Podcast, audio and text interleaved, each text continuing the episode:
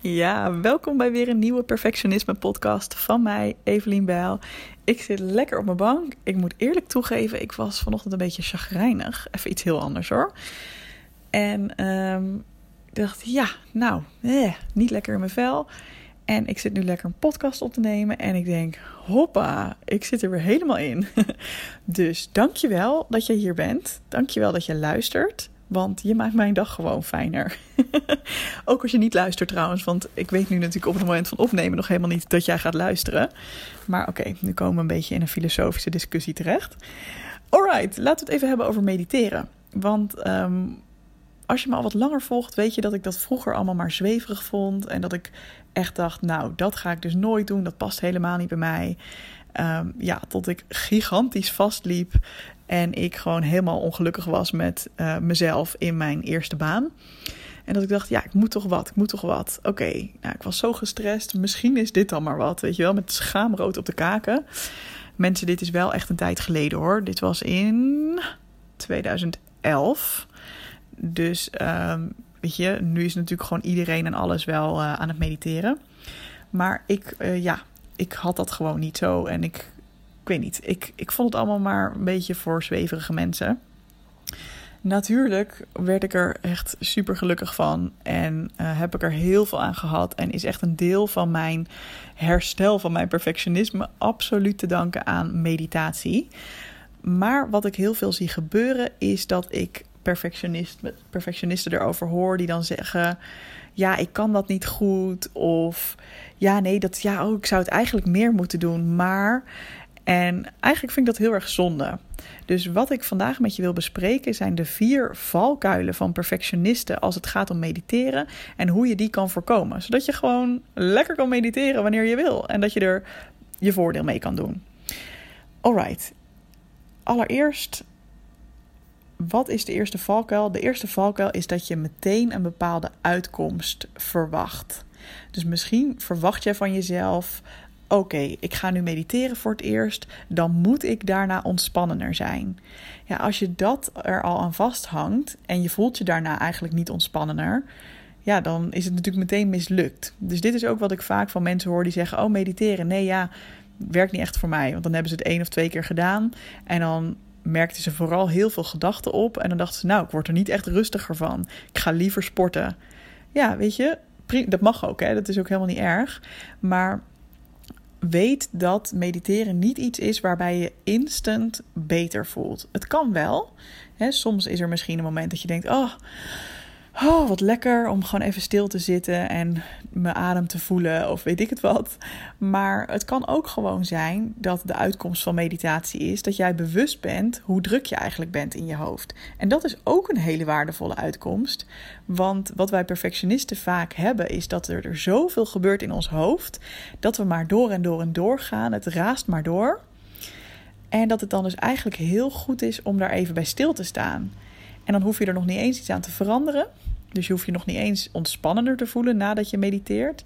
Maar um, je bent je ervan bewust, waardoor je daarna bijvoorbeeld in een iets lagere versnelling dingen kan doen. Of hè, waardoor je andere acties kan gaan ondernemen, die er misschien voor zorgen dat er wat meer rust in je dag komt. Nou, dus ten eerste verwacht geen uitkomst. Eigenlijk de enige uitkomst die je kan verwachten is: ik ga even stilzitten en ik ga mijn ogen dicht doen. Als ik dat heb gedaan, die vijf minuten of die tien minuten of hoe lang je maar wil, dan is het al geslaagd. Dus dat haalt meteen ook een beetje de, de norm ervan af van wat het zou moeten zijn.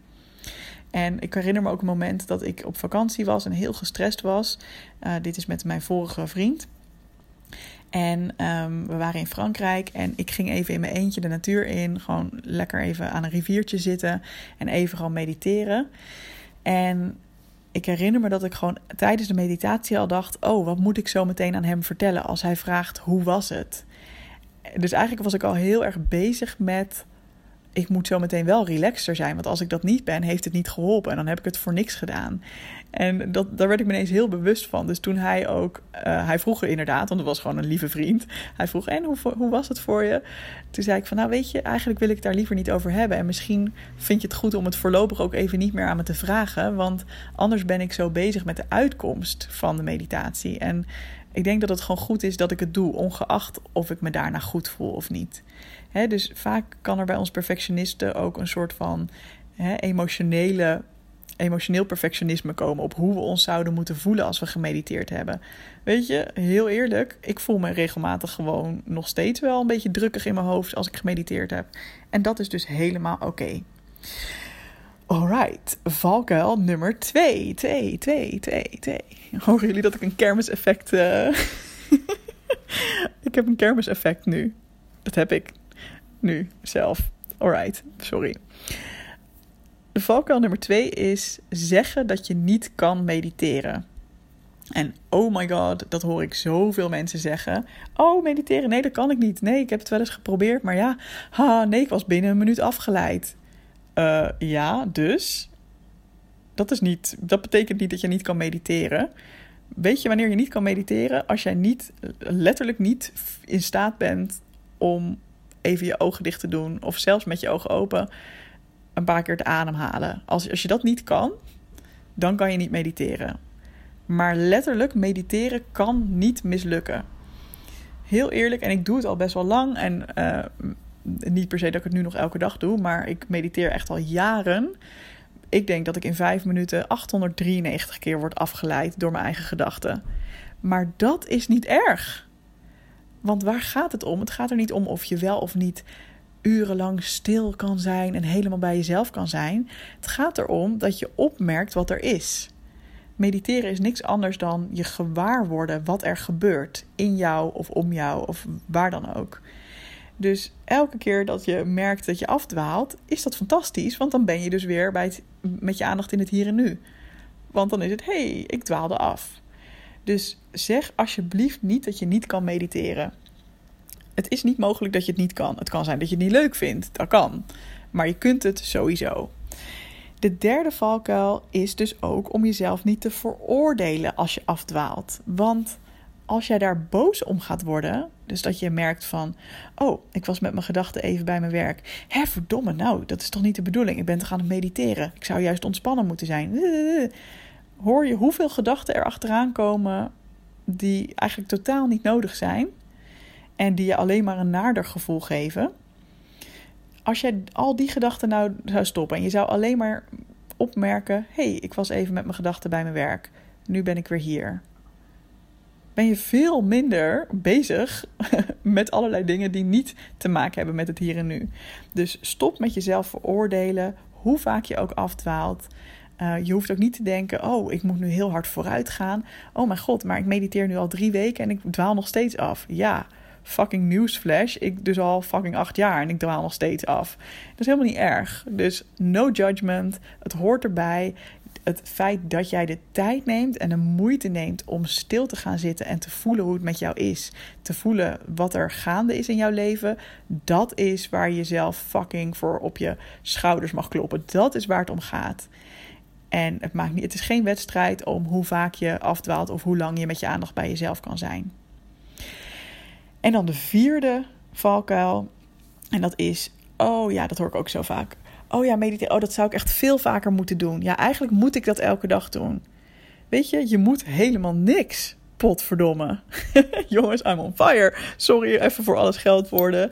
Dat komt er altijd uit als ik gewoon ontzettend ergens in geloof. Je moet helemaal niks. Weet je, Tuurlijk zijn er allemaal studies die aantonen dat het beter is dat je, weet ik veel wat, 20 minuten per dag en dan minimaal zes maanden. Ik, ik zeg maar wat nu ik verzin echt letterlijk, dit verzin ik. Het zal best wel zo zijn dat er studies zijn die dat soort dingen aantonen. Maar hoe hoger jouw drempel is van, oh ja, maar als ik ga mediteren, dan moet het dus zo lang duren en dan moet ik het dus zo vaak doen in de week en dan moet ik dus dit. Hoe meer van dat soort drempels jij op gaat werpen, hoe kleiner de kans dat je ook daadwerkelijk gewoon lekker gaat mediteren. Dus ik heb voor mezelf alle regels overboord gegooid.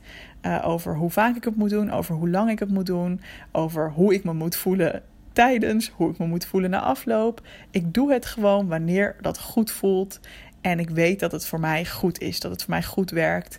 Uh, en dat ik op de lange termijn er kalmer van word. En op de lange termijn dichter bij mezelf kom te staan. Omdat ik meer incheck bij mezelf. Dus alsjeblieft, Eis geen routine van jezelf. Eis geen minimale duur. Doe het gewoon wanneer het goed voelt. En Weet je, als jij weet dat het jou zou helpen om bijvoorbeeld te zeggen: hey, ik ga me voornemen om de komende twee weken elke ochtend te mediteren. Gewoon om te kijken hoe dat voelt. Zeker als het bijvoorbeeld iets nieuws voor je is, wat, hè, wat je nog niet zo gewend bent om op te pakken en je vindt dat fijn. Helemaal goed. Maar dat is dan niet een eisende, uh, een routine die je van jezelf eist. Maar dat is dan gewoon een experiment dat je jezelf gunt. Helemaal goed.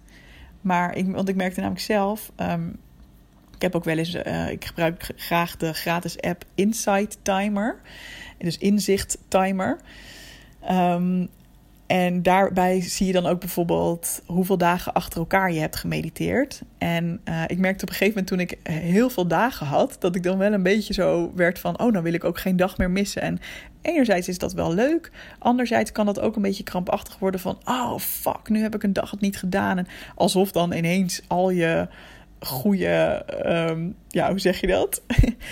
al het goede wat je hebt opgebouwd door te mediteren, alsof dat ineens verspeeld wordt door het één dag niet te doen. Zo werkt het niet. Dus weet je, ga daar gewoon een beetje loose mee om. Gun jezelf gewoon lekker om het te doen wanneer het goed voelt. En um, ja, je kan jezelf natuurlijk wel helpen door een bepaalde reminder ergens in te zetten. Dus wat ik wel eens doe, bijvoorbeeld als ik weet van nou, dit wordt een drukke dag, dan plan ik mijn dag en dan schrijf ik van tevoren op: oké, dan wil ik dan even mediteren. Nogmaals, voelt het op dat moment alsof ik er geen zin in heb, dan doe ik het niet. Maar dan heb ik wel even van, oh ja, oh ja. Um, dat was een goed idee voor mij. Laat ik daar inderdaad even de tijd en de aandacht voor nemen. En voel je dat dat heel anders voelt dan jezelf dwingen om het vol te houden. Alright, ik ben heel benieuwd aan welke van deze vier tips had jij het meest en in welke van de vier valkuilen herken jij jezelf het meest. Uh, laat dat even weten via een DM'tje op Instagram. Dat vind ik leuk om te horen. En dan zie ik jou heel graag, of eigenlijk hoor je mij heel graag, hoop ik, bij een volgende Perfectionisme podcast. Doei doei! Hey, vond je deze podcast te gek? Check dan zeker even mijn online programma Goed Genoeg, speciaal voor perfectionisten. Want heel eerlijk, in je eentje kun je ook een heel eind komen met het loslaten van je perfectionisme. Maar als je meedoet aan dit programma, heb je alle tools in handen om veel sneller deze ontwikkeling door te maken. Ga naar doelgerichtecoaching.nl/slash goed genoeg en wie weet zie ik je binnenkort.